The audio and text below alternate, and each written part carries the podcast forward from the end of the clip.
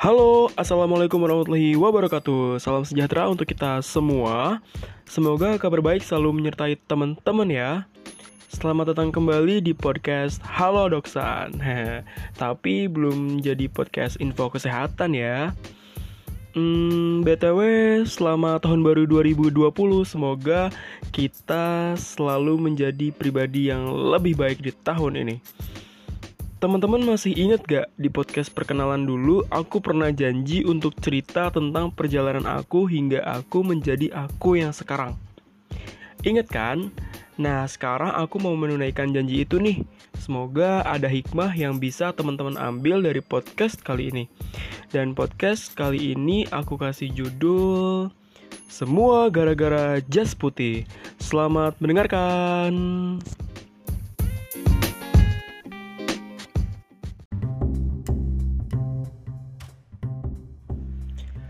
Teman-teman, Pernah gak sih waktu kecil punya rasa tertarik sama suatu benda tertentu?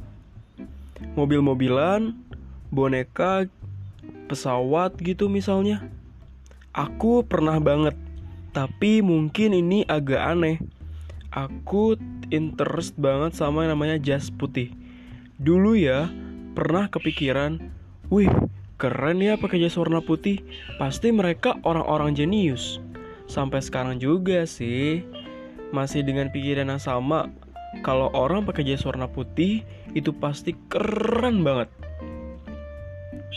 Waktu kecil, kalau aku ditanya tentang cita-cita, pasti aku jawab aku mau jadi dokter bedah. Kalau ini sih bukan karena jas putihnya lagi, tapi emang karena jadi dokter bedah itu keren, karena kita bisa lihat organ dalam manusia dengan otopsi. Aku ingin jadi dokter bedah, membantu orang yang sakit, dan menginvestigasi suatu penyebab kematian melalui otopsi. Macam film detektif Forever di series itu loh. Ada yang pernah nonton nggak? Itu keren banget. Waktu kecil hingga SMP, aku masih dengan cita-cita yang sama, yaitu dokter bedah. Walaupun sempat ke distract sama cita-cita teman-teman sejawat waktu itu yang pengen jadi profesor dan astronot. Ya udah, here I am. I wanna be a surgeon. Hidup dalam kepedulian untuk membantu proses penyembuhan suatu penyakit. Siapa kira kalau dari kecil aku pernah pegang buku Atlas Anatomi Manusia yang setipis kue lapis. Tapi sekarang buku itu udah nggak tahu ke mana. Itu adalah bukti betapa tertariknya aku dengan dunia dokter bedah. Masa SMP waktu itu udah di ujung tanduk. Aku harus menentukan akan masuk SMA mana. Karena aku kecewa banget ketika aku bilang aku mau masuk SMA favorit, terus mau masuk fakultas kedokteran. Eh, ternyata orang tua nggak menyetujui karena biaya. Ya dulu emang masih kolot Masuk kedokteran itu katanya harus jual tiga rumah Padahal enggak Dan pada akhirnya aku direkomendasikan oleh guru aku Pak Farhan dulu itu Wali kelas kelas 9 dan Bu Sri Suwarsi, guru fisika aku yang keren banget, pembimbing kir dan juga pembimbing lomba untuk masuk Smakbo. Sekolah menengah kejuruan dengan spesialisasi sebagai analis kimia. Katanya gini, kalau Isan mau kerjanya pakai jas warna putih, Isan bisa masuk Smakbo. Nanti kerjanya di laboratorium. Kan Isan jago lab nya Pasti nanti bisa lebih jauh, bisa jauh lebih berprestasi loh di sana. Katanya. Atau Ihsan, masuk Smakbo aja. Nanti bisa langsung kerja dan dapat uang banyak. Dan lain sebagainya. Ya karena gak tahu mau gimana dan mau ke mana, aku yakin aja daftar ke Smakbo sendiri melalui jalur prestasi. Waktu itu daftarnya online dan alhamdulillah diterima. Pengumuman diterima sekitar bulan Februari atau Maret. Sehingga aku udah daftar di Smakbo, udah diterima di Smakbo, walaupun pada saat itu belum melaksanakan UN SMP. Aku bersyukur karena udah keterima. Terus gimana ya kehidupan aku di Smakbo? Ternyata Smakbo itu emang keren banget. Siswa-siswanya niat-niat banget sekolah di sini. dan seluruh penjuru Nusantara kayaknya pada tahu deh Smakbo. Dan bela-belain sekolah di sini dengan ngekos padahal umur masih 15 tahun. Bahkan ada adik kelas aku yang dari Swiss ke Indonesia untuk tinggal sementara dan sekolah di sini. Keren kan? Aku menikmati sekolah di Smakbo dan alhamdulillah benar kata Pak Farhan. Di setiap semester aku selalu juara satu, bahkan juara umum di angkatan. Aku juga aktif organisasi persatuan pelajar, kepanitiaan, dan juga aku punya banyak relasi melalui komunitas dan retorika kampus. Dari retorika kampus inilah aku mulai dibingungkan di pertengahan jalan aku di Smakbo. Untuk kerja atau kuliah ya setelah lulus Smakbo nanti. Aku tetap jaga-jaga dan selalu diajak untuk ikutan tryout SBMPTN dan diajak bahas soal-soal SBMPTN di kelas 11. Ya literally, aku nggak paham sama sekali. Karena di Smakbo, nggak belajar itu. Hingga pada akhirnya, aku mengikuti tryout gabungan PTN dan mendapat juara 2 skor SBMPTN tertinggi. Sehingga mendapat beasiswa untuk bimbel SBMPTN di Depok. Masa PKL tiba. Ini bersifat wajib sebagai syarat kelulusan dari Smakbo. Alhamdulillah, juga aku PKL di tempat yang nyaman banget. Karena emang aku berharap aku bisa jadi bagian dari perusahaan ini. Dua bulan menjalani PKL aku merasa bosan. Kalau hidup gini amat ya, gak ada variasi. Setiap hari sama, monoton aja.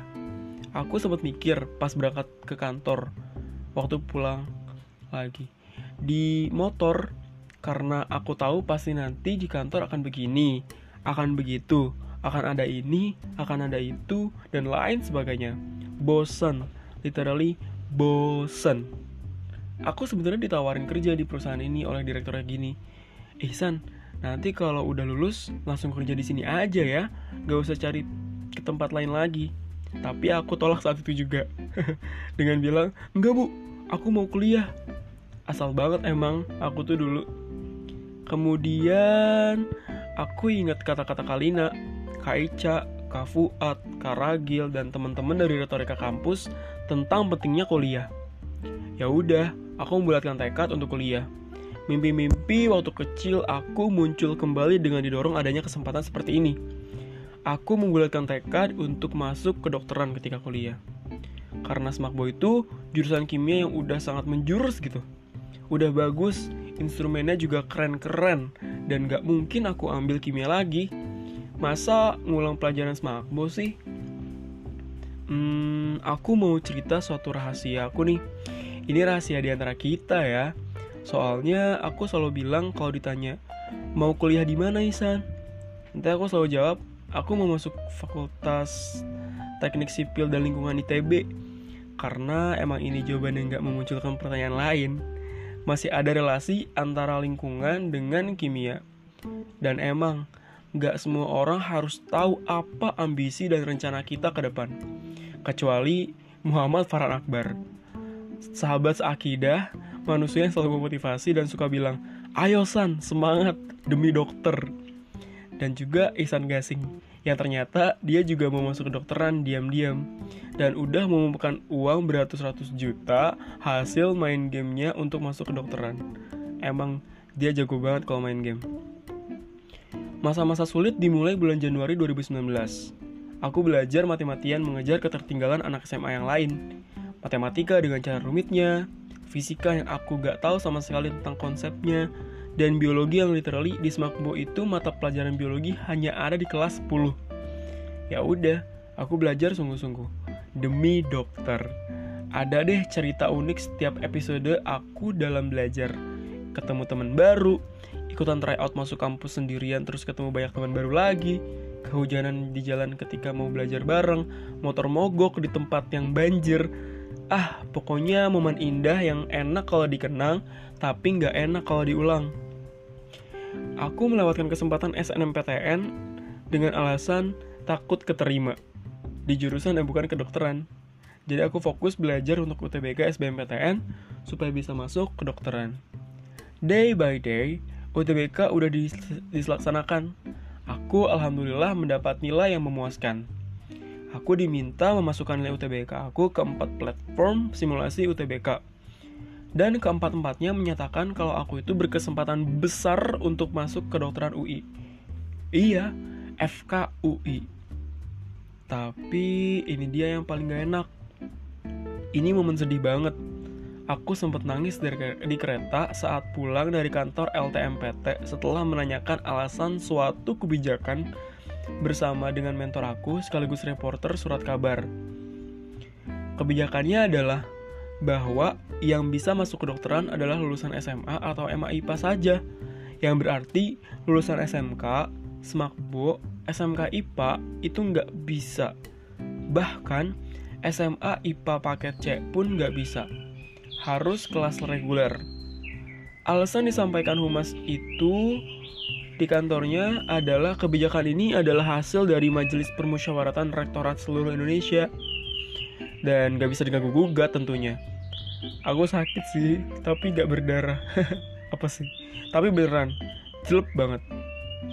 Sempat kepikiran, ya terus buat apa gue belajar selama berbulan-bulan kalau pada akhirnya gue gak bisa jadi dokter? gak bisa masuk ke dokteran. Hah? Eh, tapi aku dikasih tahu nih sama kakak kelas kalau ada lulusan SMK IPA yang masuk ke dokteran gigi. Aku langsung cari informasi terkait FKG di seluruh Indonesia. PTN mana saja yang menerima lulusan F SMK di FKG dan yang mana saja yang tidak menerima. Alhasil, FKG UI, FKG UGM tidak menerima, tetapi FKG Unpad menerima. Aku mengemail PTN inceran aku satu persatu waktu itu. Gila, ambis banget kan? Dan jawaban yang selalu aku ingat itu dari FKG Unpad. Yang bilang, kebijakan FKG Unpad tidak berubah. Lulusan SMK IPA bisa mendaftar di FKG Unpad. Alhamdulillah banget. Ya udah, aku mau jadi dokter. Dokter, panggil aku Dokter Ihsan. aku membulatkan tekad setelahnya menanyakan beberapa hal terkait FKG Unpad ke mahasiswa di sana. Kak Hafiz yang mau direpotin dan jawabin pertanyaan aku satu persatu. Awalnya aku mikir, ya cuma ngurusin gigi doang nanti kerjanya.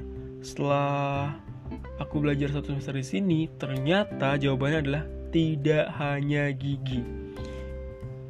Dokter gigi itu ngurusin seluruh tubuh juga, tapi terspesialisasi di bagian kepala dan leher, head and neck.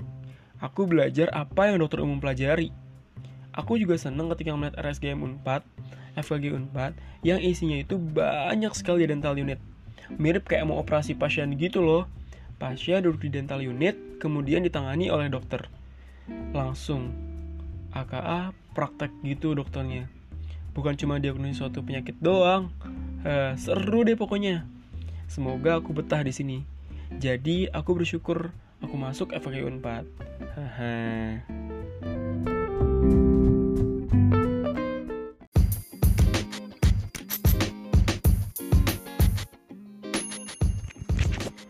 Gitu deh, intinya adalah semua karena obsesi aku dengan jas warna putih dan ingin menjadi dokter, gak mau jadi analis.